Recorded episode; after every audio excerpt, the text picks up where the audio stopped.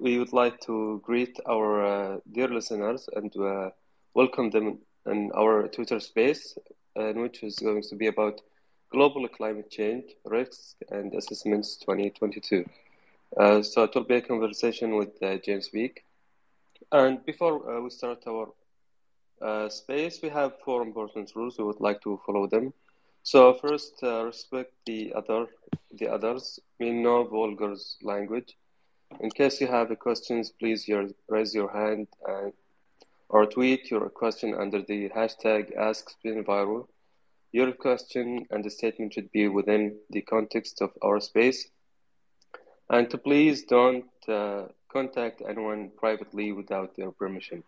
Uh, SpinViral Lightable Space. James, uh, please, uh, your remark. Yes. So, hello, everyone. For those who are joining uh, in this event, um, the special uh, panel on this uh, global climate change risk and assessment 2022,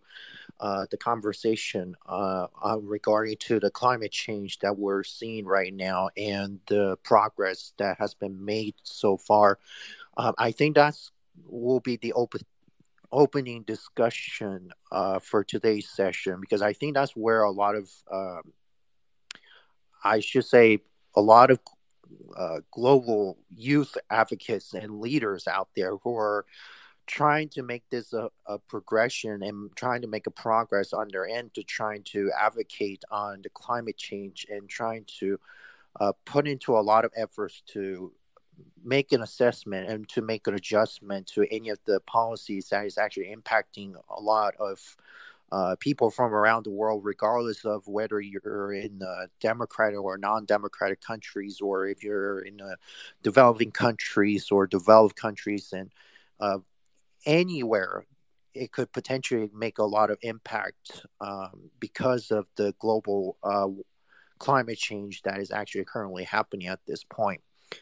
before I actually delve into more on the climate change risk and assessment for this year and then what's going to happen in the next couple of years later, I do want to bring up this essential question to every one of you who are actually joining in uh,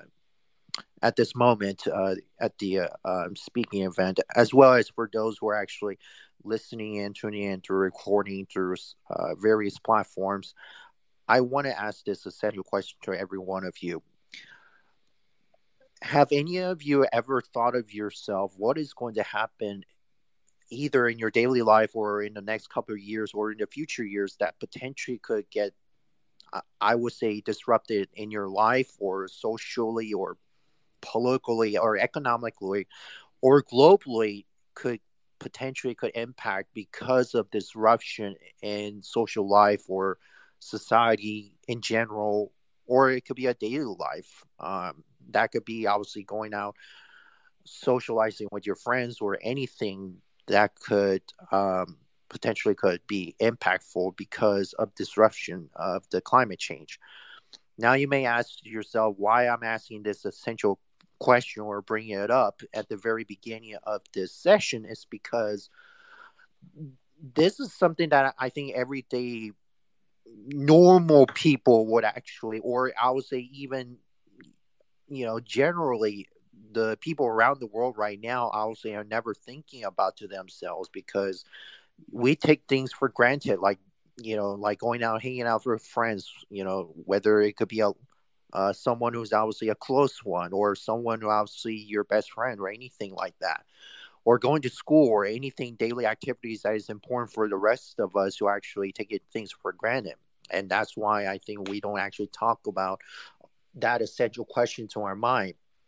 Because the real reason why I brought it up is that any disruption like this could potentially could harm our daily activities and as well as because of the disruption of climate change uh, it can be disrupted to our impactful to us daily society including our daily either it could be a chores or uh, errands or anything that could harm our daily uh, daily lives. So that's why I brought this question up to every one of you. You don't have to actually, you know, answer it directly in front of me, but uh, that is the beginning of the essential question that I think every one of you who are actually listening to us or joining us right now on live um, to actually think about it thoroughly and deeply to ask yourself these type of questions uh, in order to make progress within a climate change as well as trying to gather up the results and the uh, and uh, as well as to make sure that we are uh, trying to make an impact for through policy making and everything else that can be related to uh, make progress on climate change. So that's the beginning of our conversation here. So the couple of things that I do wanted to point out and everything uh, related to the climate change, where we're at, the risk and assessment within this year uh, that we saw um, for particularly within the climate change, the climate emissions, and everything else that can be related uh, that can be impact our daily lives. The first thing I do wanted to share is within my local region. So I forgot to introduce myself at the very beginning, but I will do that later. But at first, um, I actually currently uh, living in the United States in eastern part of the United States. Now, if you're asking me which state I'm from, I'm from the state of Georgia.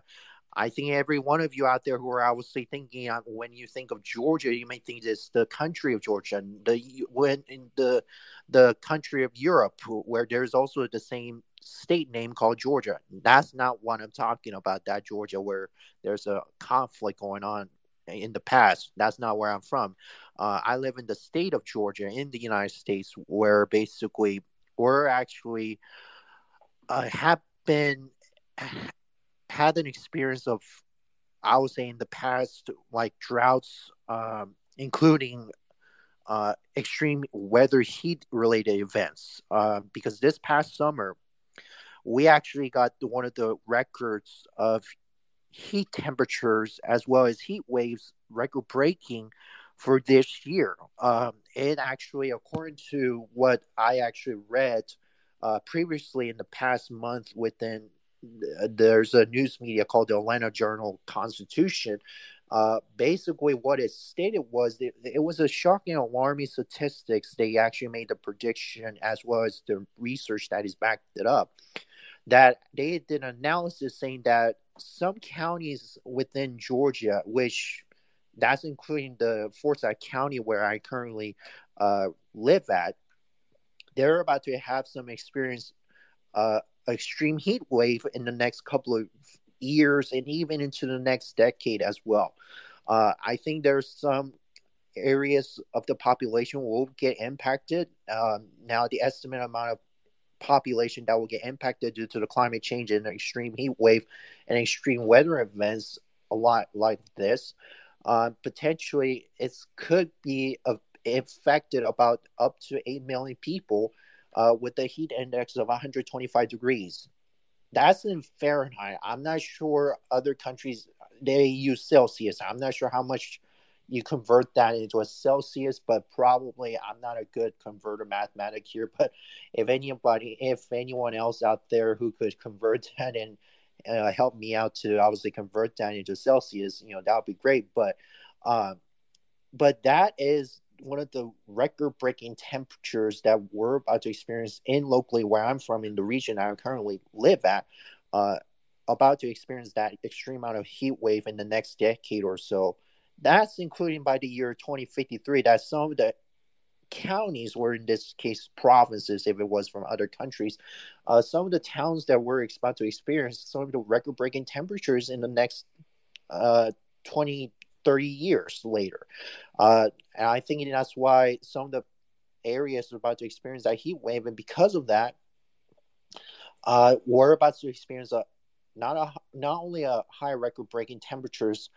it also impacts us socially and daily lives. Whether we obviously go to um, take an errand basically where we obviously shop or grocery stores or anything to actually get our stuff like food and shelter and anything and essential items that we need to do in order to get on our daily lives. That could be a huge disruption if this heat wave is going to continue on, if this is going to continue without any type of resolution or solution to the climate change uh, by reducing climate emissions as well as trying to reduce amount of um, that activity, that heat activity, in this case, the carbon emissions to actually that is you know emits into the atmosphere that potentially could harm us a lot. Not only is obviously impacting us through heat strokes or of impact in our health, it also impacts the construction workers and the workers who are actually working outside uh, that obviously requires that labor um, intensive related activities those people could, could potentially could get impacted. And i think that's why it is so important especially when we look into the future of policymaking as well as trying to look into the future of how the climate change policy should be uh, ensured to make a progress on it. I think that's why we're, we're in our area in the city of Atlanta, where that's the closest city in my area. Uh, they're trying to do much more progress and more action related policy making, where they're saying that because we're about to experience extreme heat waves in a nearby township or counties, in this case in the US, they call it, uh, we're about to experience more heat wave. And so, what the city of Atlanta did and some nearby areas, uh, they actually decided to, I would say, trying to reduce carbon emissions by trying to make a green smart cities or obviously a green space they call it or green green cities where they're trying to figure out to change the way of the architecture of the construction buildings or anything related to um, some of the areas how they architect the buildings. So that way they're trying to make sure that they are trying to change the color to like say I, I would say the color of uh, green, for example, or they're trying to add some more layers of trees or anything that could potentially could reduce the amount of carbon emission as well as trying to reduce the amount of heat wave temperatures. So that way, it could potentially not only reduce emissions and carbon and climate change as well. It also reduces the amount of heat wave, and that is the real reason why they're trying to push for this within our local city to trying to say that we're trying to find ways to trying to take action immediately at this this point in order to try to reduce the catastrophe that could happen later on. Whether that we don't know yet. We don't know exactly what the catastrophe event is going to happen but i would say it's going to be more extreme weather events that we're seeing right now especially in other parts of the country and the world. Um, in the united states in my other side of this uh, western part of the United States, if you know that obviously in the state of Arizona or nearby state of Colorado, you know, there's like a Hoover Dam right next to it. And then basically, what if you heard in the news, uh, they actually experienced a lot of drought. And the famous tourist attraction there in Hoover Dam, what happened was the Salt Lake, uh, Great Salt Lake, I would say the river, the name of Col- the Colorado River, excuse me, sorry. Uh, that area actually experienced a lot of drought that caused a lot of water to actually downgrade the waters that actually got dried it up because of a lot of heat waves. And because of it uh, the sea level just went down a lot. And that's a dramatic consequences that's going to happen if we're continuing to be uh, lack accountable as well as not taking action because governments are not willing to do so because we're going to keep continue to do business as usual. That's what they continue to say. Um, and that's unfortunate to the point that we're just going to leave it alone the way it is and we're going to continue to go at it. Unfortunately, we cannot do that. We cannot afford to do that because, as I mentioned at the very beginning of the essential question, how we're going to be able to take action without obviously there could be a consequences you know that does not make sense or that is illogical um, and so these are the things that we actually have to keep in our minds to say that obviously all, the city of Atlanta, which is where I'm from, it's the city of uh, state of Georgia, they're obviously making some progress and they're trying to take action in right away to make sure that they're trying to mitigate future related climate risk or related crises that could potentially could harm the people, the public health, as well as could also harm uh, the infrastructure as well as the economy. And we do know that from time to time, whenever whenever the the climate disaster strike at any moment, let's take for example the recent uh, the pandemic, the, the COVID 19 pandemic itself, we know obviously how much amount of catastrophic it actually went. Not only it, it went through catastrophic globally, it actually impacted the economy, which obviously shut down the entire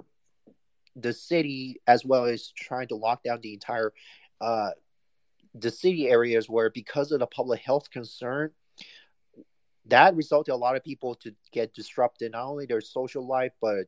mentally socially as well as obviously education wise is also getting far behind because of that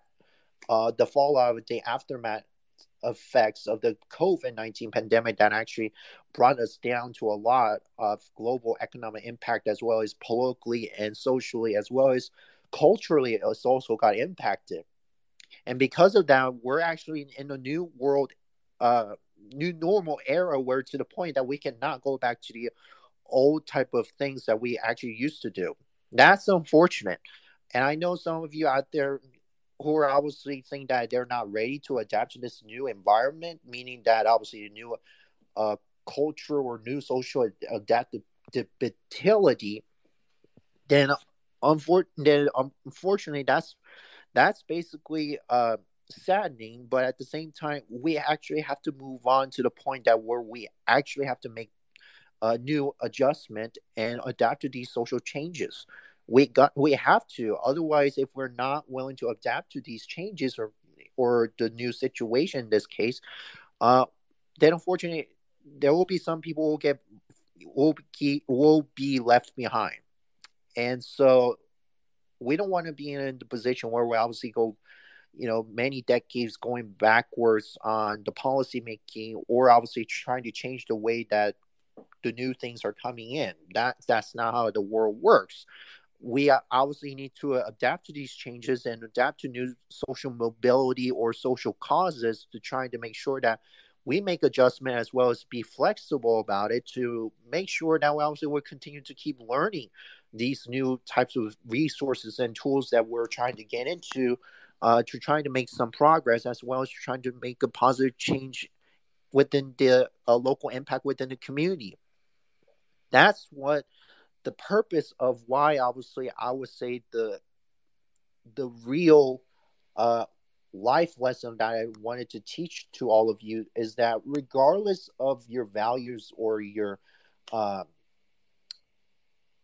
your social areas, I would say, whichever the social issues that you're passionate about, you're gonna have to adapt to these new changes, especially right now after the fallout of the COVID nineteen pandemic, and we're living in a new era, a new normal, where obviously we cannot go back to where it was, and we cannot do the things that we used to do. Um, it's time to obviously we're gonna have to adapt to the, to it, and if we don't do that, unfortunately, we're gonna get far behind, and basically we're just gonna get to the point where. Um, we're going to get far behind economically, socially, environmentally, as well as everything that is going on in the world. We're rapidly changing a lot. Um, and things have changed a lot because, first of all, obviously, I'm not saying a positive way, but if it wasn't for this pandemic, of course, uh, have we ever thought that, obviously, have I ever thought, including all of us in here, or some of you, thought to yourself that you would actually be sitting with a lot of global youth leaders around the world and basically it would actually take you maybe 20 years uh, to actually go to conferences in person and basically meet all of them and basically that totally changed the atmosphere and the environment because the pandemic got took a hit and because of the global economically impacted severely through socially and mobility and uh, environmentally everything got moved into virtual because of everything went to virtual, now it made more possible for those who are unable to come into the in-person events. Like if it was there, there was the UN conferences, now there's a there is a chance that young people would actually could come go into the conferences through virtually uh, through obviously security of course and everything else that is involved with it to trying to get meet directly with the UN officials directly and actually ask them questions, and uh, and at the same time trying to uh, trying to make change directly to them. That was not possible before the pandemic, but because of that changes of our social and economic mobility. That obviously made us opportunity to obviously be more presence in the virtual world than ever before. And it, if it wasn't for that opportunity, if there was not a chance that this would have happened, then unfortunately it would take us many years to actually get an in-person meeting involved basically where obviously we have to get to know someone from the UN officials or someone and or closer friends, whoever that that case might be, uh, to actually meet up with them and basically ask them some questions or ask them an- or pressing some of the answers uh, to talk about the progress. And that is the thing that obviously led to a lot of changing within the online environment. Um, that made it easier to actually get involved, um, to actually to talk with these UN officials. Like I was in a meeting last week with the UNGO, which is obviously environmental um,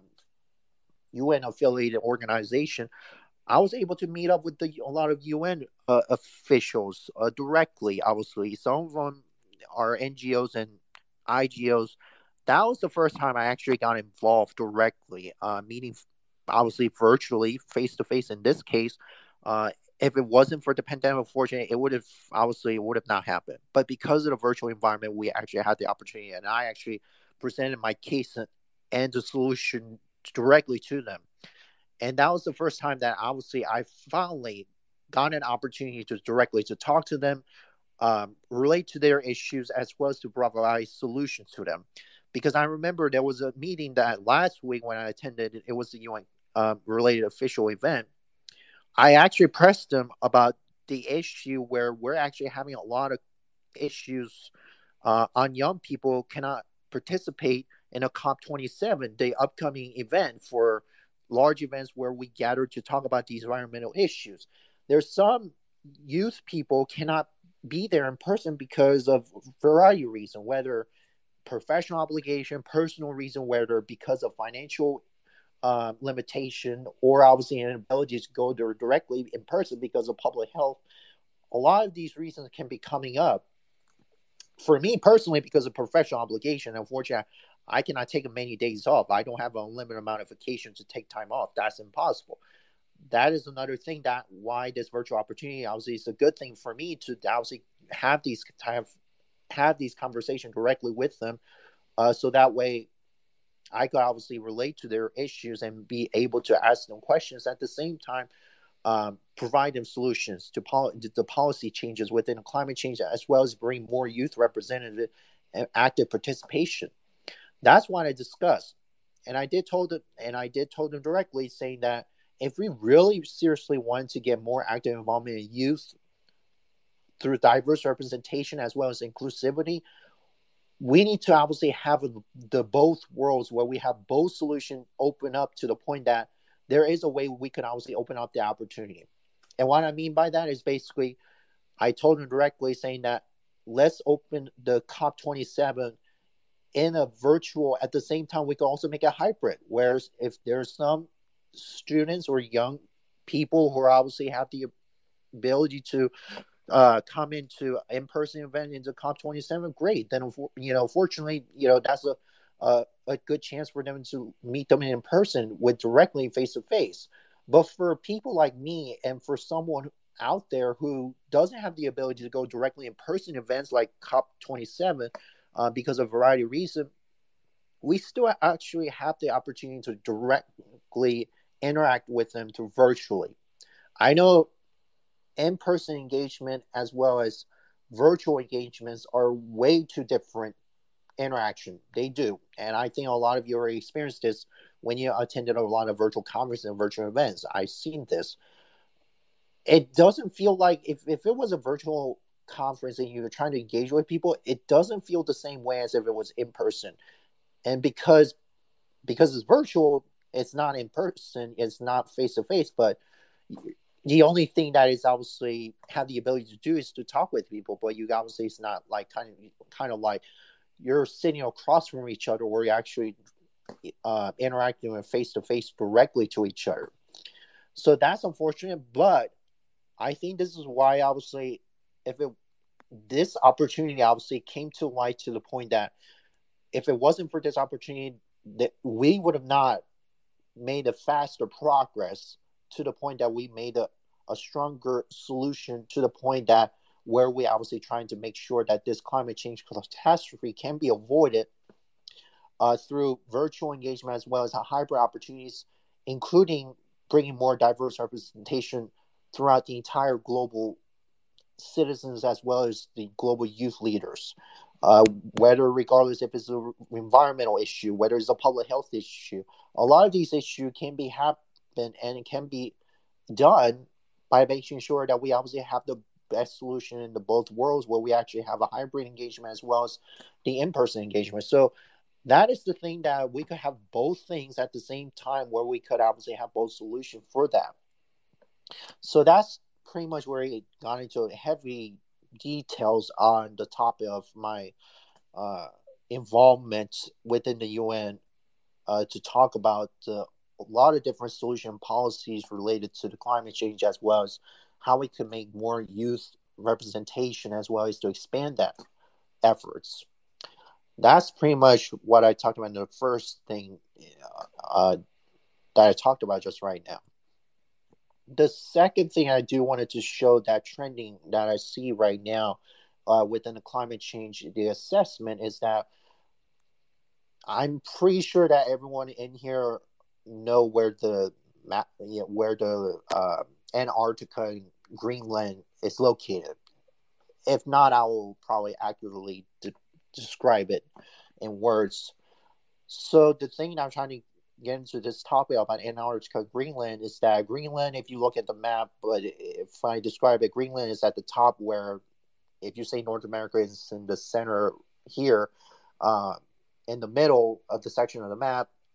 on above it, there's the North Pole, and then there's right across from it, there's Greenland. Just picture yourself if you're visualizing it, for example. Uh, and as well as Antarctica is at the way bottom of the map where you see the South American area of the area is right below it. That's where Antarctica is located. The real reason why I'm trying to bring this up, these two uh, concepts, is because there is a recent article that I also read about from the Smithsonian Magazine, uh, an article that was pu- published uh, that was showing that these two major glaciers in Antarctica as well as in Greenland that we're seeing a faster rate of ice melting. The ice polar caps as well as the ice sheets are starting to melt really quickly as twice as much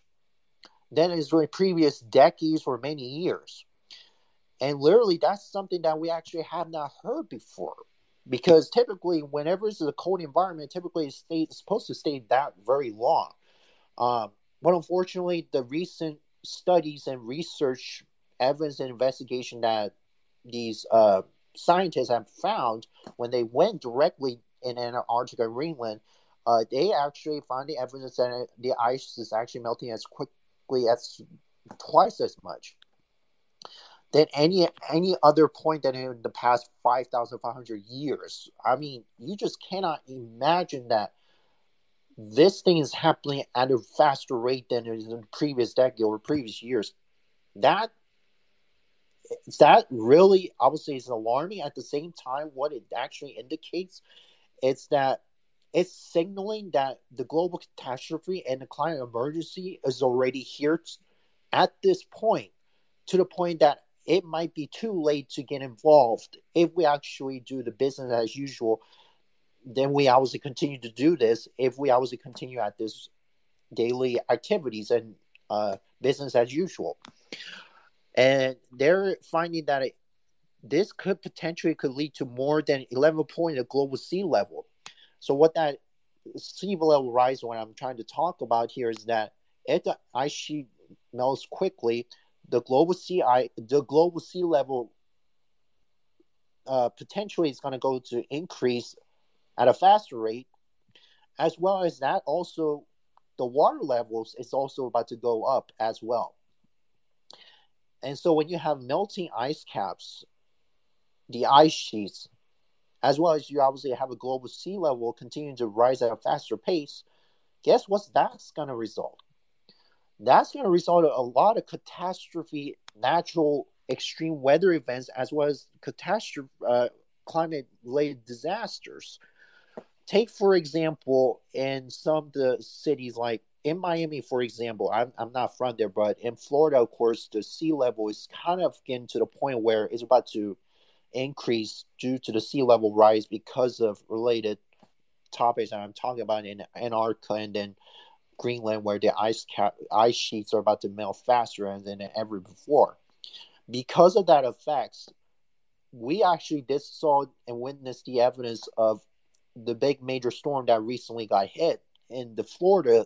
uh, panhandle in the areas of Miami and then Tampa, and then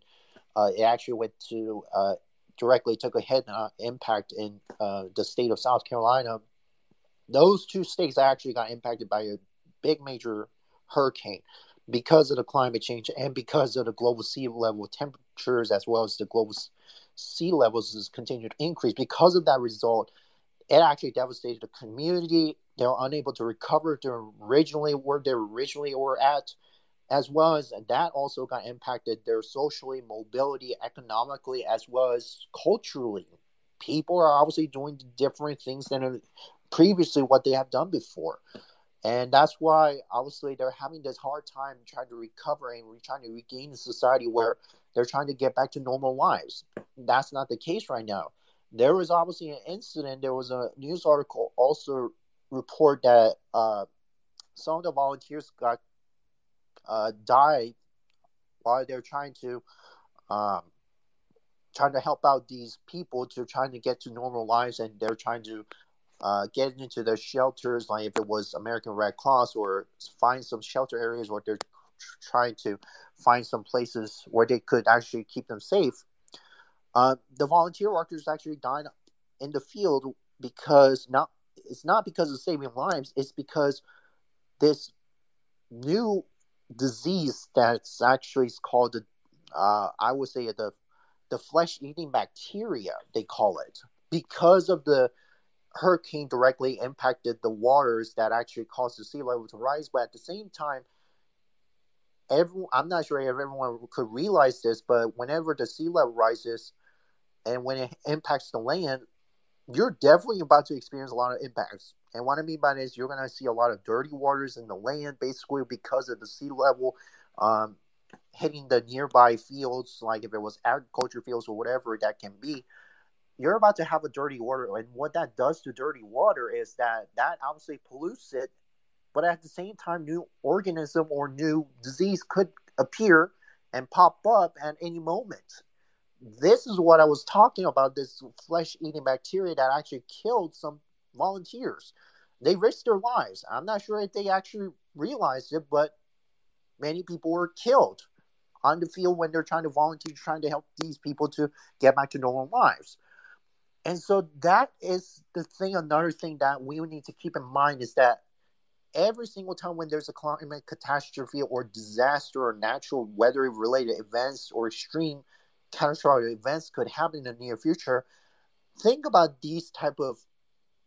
scenario. I would say that what is going to happen if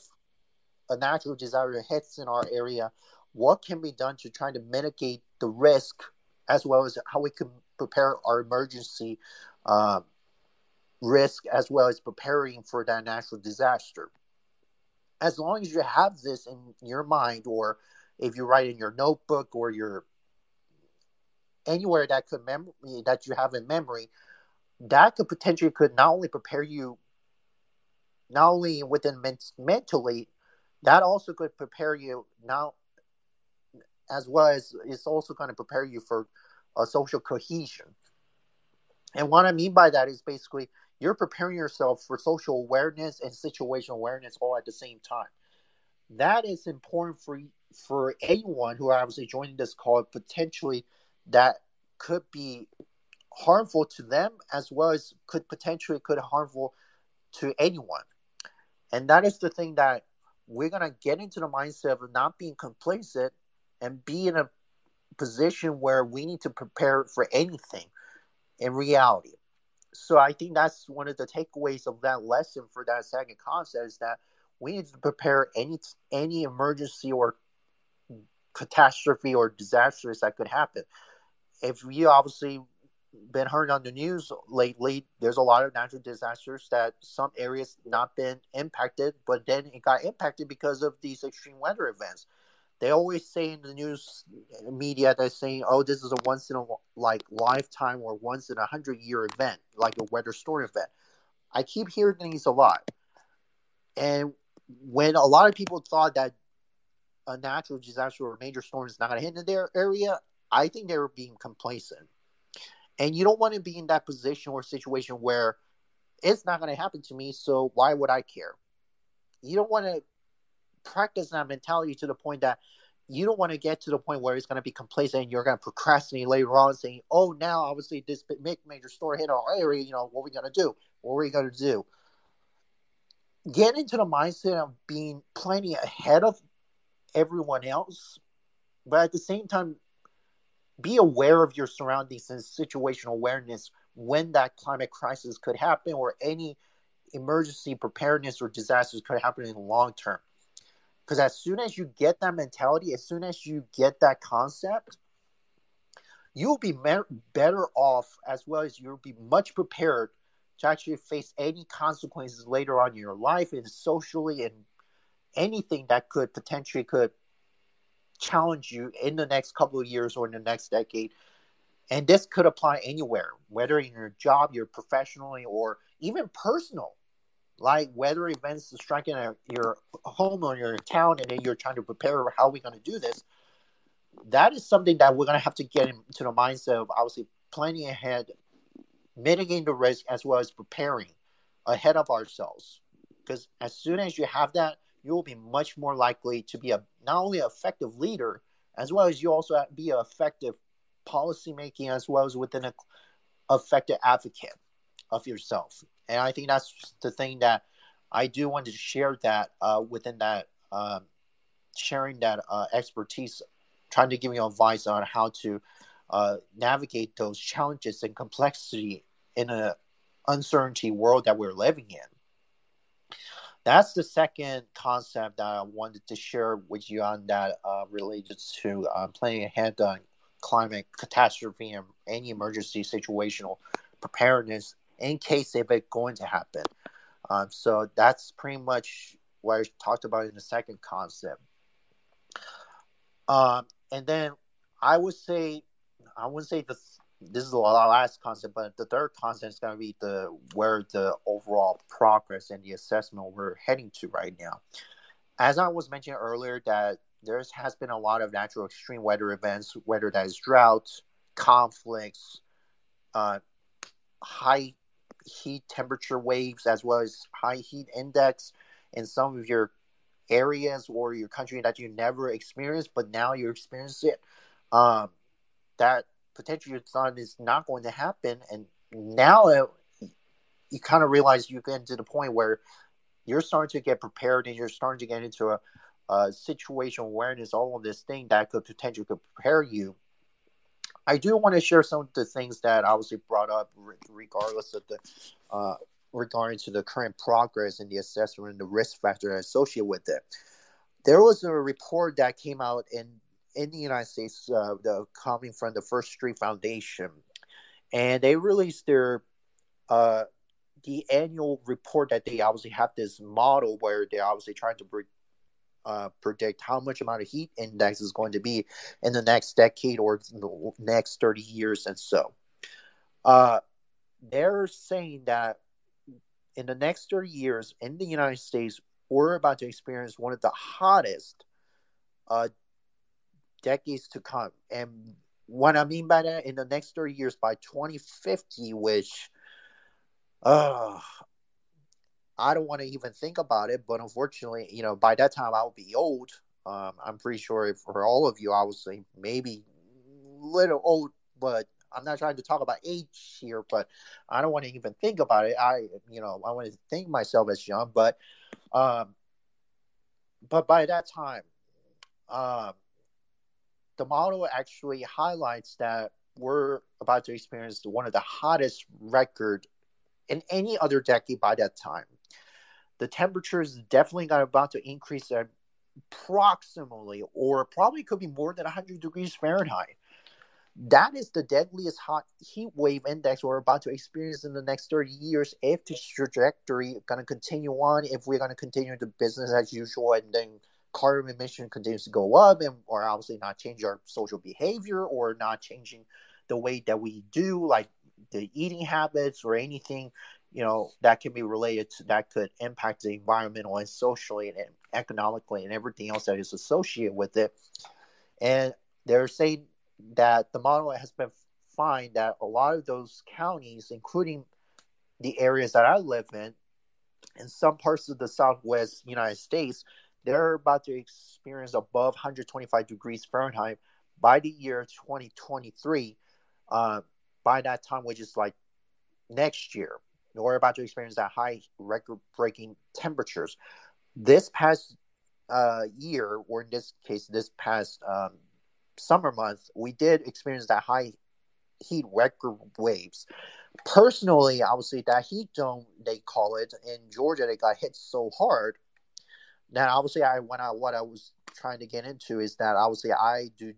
exercise and do jog daily jogging a lot to trying to be fit myself, uh, try to be stay healthy. Um, and so because there was one time when I actually went out and the summer was scorching hot to the point that it was so deadly that I actually had to come back inside within like maybe about 10 minutes when I first did a jog and run for that couple of few minutes. And then it was so brutally hot to the point that I had to come back into the indoors because it was so massive that it could potentially could cause a heat stroke, uh, concerns on health, as well as also potentially could be death. Uh,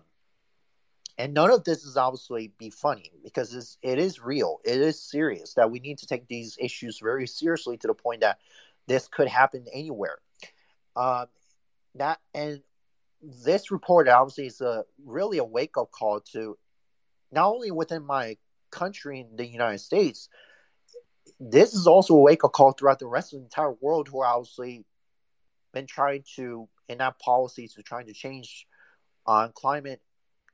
and as well as carbon emissions, trying to reduce that. But some countries are not willing to enforce it or not to abide by it because of a variety of reasons. I'm not going to go into details about it, but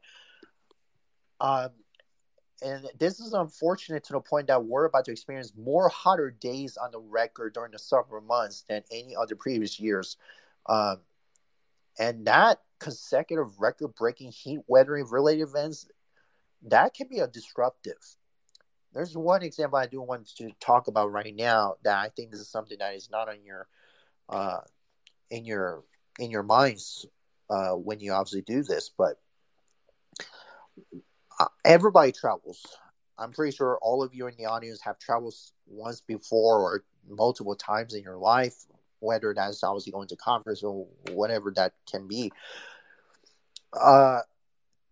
when you go to the, when you obviously go to the airport and try to hop onto the flight or something, and you probably think that you realize that obviously the flight did not take off or or landed how would that everyone be felt by that moment when then obviously they said, hey, the flight is canceled, or obviously the flight is delayed and they have to make an emergency land or whatever that can be because of the heat wave that caused the jets or the flying, or in this case the aircraft, to not to land because of the heat waves. Has anyone ever thought of that? Because there has been a scientific evidence, and they also did some reporting investigative on this because there has been findings about it that whenever there's a, a lot of heat waves circulating in the atmosphere, it causes not only disruption to air travel,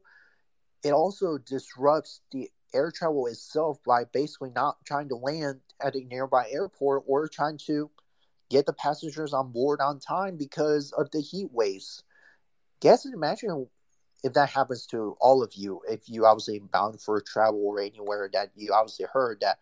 hey, there because of this in excessive heat waves, we cannot let you get to your destination on time. Now you're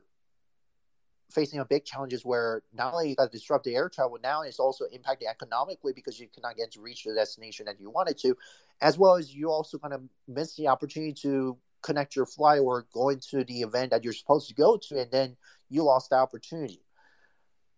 This is another example that we cannot take our lives for granted at all because the extreme weather events like this could disrupt everything. And that is the thing that I want to share to all of you that this is something also that to keep in mind to your every day when you go on somewhere or anything that have some gratitude that we're we're living the current situation that we're trying to change, but at the same time, uh, have some obviously grateful that obviously we're trying to uh, make our improvement in our lives right now. Uh, because as our lives, as we grow older, and obviously in this case, in our later years, when we experience that climate catastrophe, which we will, we will experience that, a lot of things are going to get disrupted. And when that disruption happens, not only economically, socially, politically, and everything else associated with it,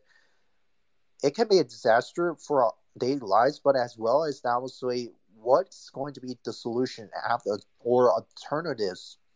after that. And probably the easiest way, the thing I could say right now is, you know, doing a virtual. But we know that some people out there doesn't have the access to computers or doesn't have the right uh, right equipment or accessibility to technology resources that is out there because of limitation of resources and basically get still cannot obviously gain access to the internet because of lack of infrastructure in their own country or anything. Think about these type of situation or scenarios that if a big climate catastrophe is going to happen at any moment, it could obviously make a lot of a lot of impact, a lot of disastrous as well as a lot of disruption. And I think that's why this is a thing that we need to uh, make sure that we need to remind ourselves to the point that we need to uh, be be prepared for any of these type of climate emergency situations going to happen. That is the example that is showed on that uh, the research that has been finding within um, from the First Street Foundation are talking about the heat wave occurrence that is going to be more often, as well as other climate events that could be a more extreme weather uh, that could impact not only in community,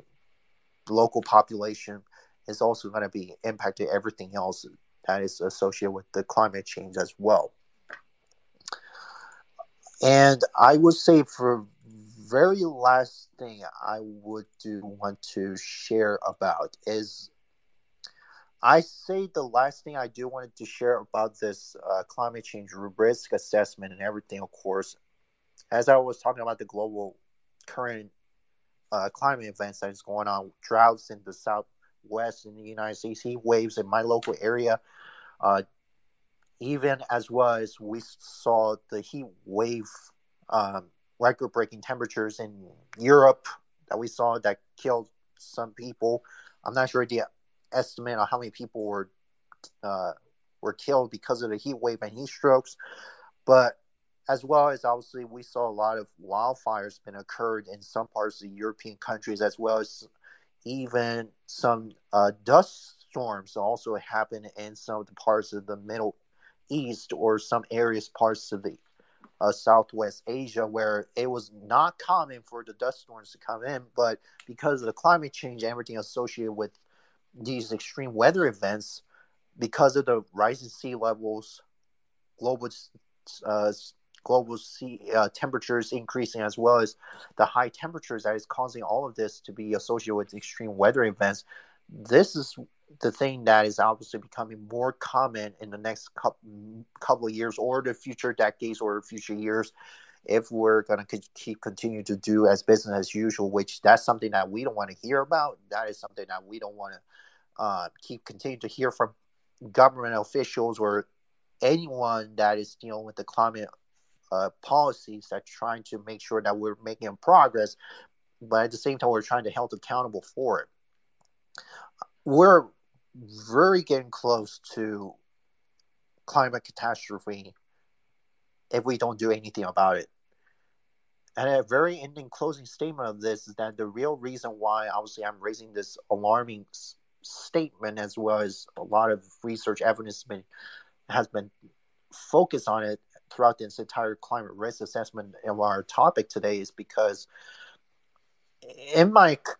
in my country, in the United States, I think we're still being complacent about this issue that we think is a hoax related. That some people don't even care about climate, or some people don't believe in statistics or evidence have been shown. And if any of you have not realized that what I've done here in this topic today that I spoke about is that I used a lot of research evidence and backed up the evidence supporting facts with statistics and everything that associated. The real reason why I do that and why I did is because that is the thing that obviously makes some people to take action or believe in it. That is the truth. And if you don't have the truth and obviously don't have to back it up the evidence and basically saying that this is a real urgent issue, you need to care about it, then how will the people will be able to be influenced on your impact and be able to support you in the long term, whether that can be a social issues that can be social issues or environmental issues or political issues that could happen that could make a huge impact within your own local community that they're trying to be influenced on it? How you're going to be able to persuade all of those things without even backing up the evidence saying that this is what's going on this is actually impacting based on percentage of how many people are affected and then here's the solution I presented to you based on the facts and evidence of how we're going to move forward in making our progress so that way we have the solution here. That is what I did here based on our conversation that we actually just did. I always talked about the issue, the climate change, what are the impacts with it, the effects, back up with the evidence and facts supporting evidence to make a persuasion to not only persuade, but – bring in fact-based evidence to say that this is the truth. This is not a hoax. This is not a lying. This is not uh, distorted evidence. This is not a fabricated evidence. This is all coming from the scientific evidence-based research that is done by real scientists. You just cannot believe how many people are there so obviously erupted that obviously they don't want to believe in this stuff because – people don't want to continue to learn based on complex situation or complex society. And when they do obviously get into the habit of that, they're not moving forward. They're not making progress. They're not willing to continue to learn their daily lives. That is the main theme I kept talking throughout the rest of the entire conversation here that I just talked about. It is basically continuing to learn about these new developments and research it as well as getting these stakeholders to get involved the entirety from the technical community to private sector uh, governments ngos inter- international government organization and a lot of different organizations can get involved as long as stakeholders can be collaborative and be willing to work on these tough hard solution issues that can be beneficial not only for the entire overall global population, but it's also important for us for the youth, the young leaders, because we're the future. If we obviously not been advocates, or obviously we're not con-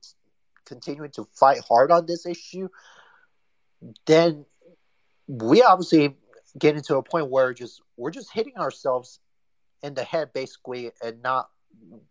letting this issue to obviously get into a slide to the moment where we just don't care about it. We do care about it, but I think the pers- the argument, the persuasion that is a hold to the government officials is that they're not taking to the point that they're not taking it seriously enough. That is why, obviously, throughout this entire conversation, I kept saying that the word that we're about to face climate t- catastrophe if we're going to continue to let it slide, or obviously, if we're going to continue business as usual, we're going to keep continuing to do our own habits, whatever that is, the global temperature is rising rapidly as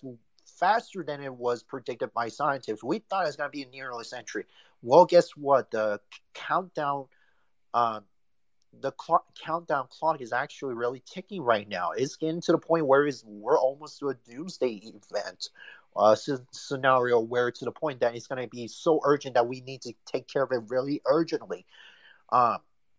that will be the point that we're gonna have to really work hard on it and have to fight hard really badly to the point that we're gonna have, trying to avoid this climate catastrophe. And so, what does this have to relate to my involvement? Why, obviously, talk about a lot of this passion about climate change and all of this events that have been happening the past year, the risk assessment associated with it. Why do I obviously decide to hold this discussion and have this conversation with all of you from around the world? Is that it's urgent.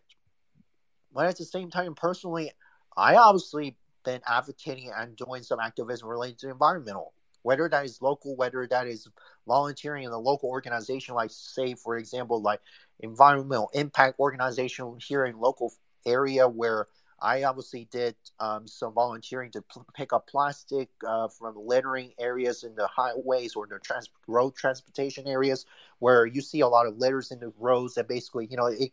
I think in your point uh, to a lot of audience here is, is that I think pretty much it will be more or less sanitation if there's a litter down the road. But I did that involvement through volunteering because I want to bring a positive impact, but also community service to the people who obviously deserve a better living life and opportunity for future generation as well as the current generation. If it wasn't for that motivation or amount of impact that I really wanted to deal with, or obviously getting so passionate about it, I would have not obviously talked here and obviously speak so passionately in this conversation in today's panel today. I would have not been here without that motivation because I have many years of experience and decades of volunteering, but also been serving as advisors through board of directors, board members, as well as advisory council to many uh, UN related organization out there that trying to make sure that we bring these policy changes, but also willing to listen to uh, the youth leaders like myself and for those around you here, as well as for those who are joining us today, that obviously trying to push the progress and trying to make advocacy to trying to bring it into a real world solution that is the purpose why I'm here today, as well as giving you a lot of insights on the current climate assessment, the climate risks associated, and everything that is related to the conversation. That is why I'm here today to try to talk about it. And if I did not have the, if I didn't have that passion or that amount of motivation to say that I'm willing to take hard on it or take a fight hard on it to try to fight this issue so hard, then unfortunately, you know, you would have not had the person like me obviously joining today to talk about these real issues to the point that how can we solve that? And literally, again, I think the solution here is how are we going to solve this climate climate catastrophe? How are we going to mitigate it? How are we going to prevent it? A lot of you will ask me that type of questions here the real thing I would say is for those of you who are obviously doing some activism or advocacy related work that out there in the field to trying to raise awareness, that's one thing. Definitely. That can be a one thing at the same time for those of you who are obviously through policy making or trying to raise through a policy solution, definitely get in touch with your local officials or representatives or um, or in your township, they call it in other countries that were province. Talk to the local government officials and obviously have that one to one sit down conversation uh, to talk about this climate change or your passionate issue that you're passionate about. Because as soon as once they hear that your conversation, you're passionate about this certain particular issue that you're passionate about, they're willing to obviously take you in and basically willing to have that discussion and delegate it as well as to trying to bring a light to the point that they never heard about. If I, for example, if I obviously had a young person, if I was a government official or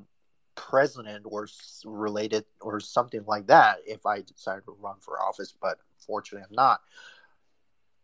If I had that young person come into the room and basically say that, you know, maybe the emotion was anger, aggravated. You know, if it was kind of similar to Greta Thunberg, what they did to uh, former President Trump at the UN officials meeting at the time, I remember uh, that was a powerful message. That was a powerful emotional to actually to react to say that. You know, it's kind of saying, "How dare you?" You know that we made this trying to shed a light about this climate catastrophe related issues and you're saying you're kind of squabbling over it to the point that you're not willing to make progress and you're not willing to listen to young people and so on and so forth. If it, that same opportunity came up to me to the point if it was the current generation i'm talking about the older folks but you know not everyone obviously feel that way but if if it was the same they will probably they would you know take them out from a security guard and get them out of the room or something related to that you know potentially it could be a jail or anything that can be uh consequential for me, if I was in that situation, I would definitely would have a sit down and chat with them directly one on one conversation like we're we're, we're having here. But I think the time the conversation will last about probably more than an hour. The real reason I say that is because I'm a person who knows the expert on all, a lot of these issues, but at the same time, I'm aware of it and I empathize with the local community as well as the people who are been impacted by it. That is type of leader that you wanted to have in that room. And unfortunately we don't have those type of leaders like myself obviously willing to sit down and have a conversation and you know like put aside what you're doing for the last moment or your business or related stuff that you're doing right now in the office. Uh, who would actually have the time to have a sit down deep conversation meaningful conversation that willing to obviously sit down and have a conversation provide a solution talk about the issues and willing to obviously move forward and saying that we're going to support this issue because of your uh, conversation or your passionate and your advocacy related work that obviously making a change within my community or positive uh, impact within the local community, the towns or the city or even nationally. That's the type of person that you want to sit down when, when unfortunately we don't see that a lot. But glad that I the good the good thing here is today for all of you is a special treat but i'm glad that i sit down with all of you talk to every one of you about the current climate situation and climate risks and associated impacts. That could be a, a lot of things to talk about. And i wish we could go at least more than an hour. I'm not sure if the moderators here or someone who's hosting, you know, if we could more than an hour, but unfortunately, I don't want to waste all of your time to, you know, because I know everyone time zone is different. Uh, you know, the the the location I'm at is in the morning, but everyone else is at nighttime, and I don't want to get disrupted for your uh, daily ongoing activities that you're trying to deal with. But I do want to close out that we do have a lot of work to do, and the things that I talked about adaptation, adapting to new things uh, that we experienced after the fallout of the COVID nineteen pandemic. Uh, and uh, things that obviously I talked about the global rising sea temperatures, the sea levels, ice, uh, Mr. James, and everything else. That is the thing that obviously we obviously have a lot of work to do, and obviously there's a lot of more opportunities that we need to James uh, bring out. So I think that's where I wanted to close out for that statement, and I'm willing to take out the questions and answer from all of you if you're willing to do so. Yes, uh, James, thank you. Uh, we want to hear from our audience if they have uh, an idea, want to share their idea or questions. Please, uh, uh, please share them. If anyone has any questions or idea, you can raise your hand or ask for permission to talk.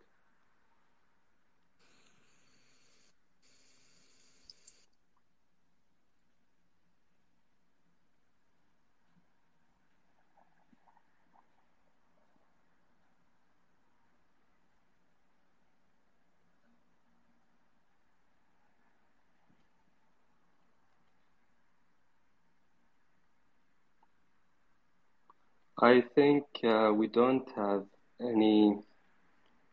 uh, question. Uh, so, uh, the time, so we have to close our space. Uh, so, thank you, James. We had the privilege of having you today on our space and being part of uh, the initiative. And also, we would like to thank our audience for joining us today. We also want to say if you are interested in programming and want to program our platform or writing contents, please don't hesitate to contact us. Uh, SpinViral looking for you. Our mission is to communicate, collaborate, innovate, and be part of the solution. And we want you to be part of this. Thank you. Have a wonderful, wonderful night or day. Uh, Spinner Viral, light, light up your space.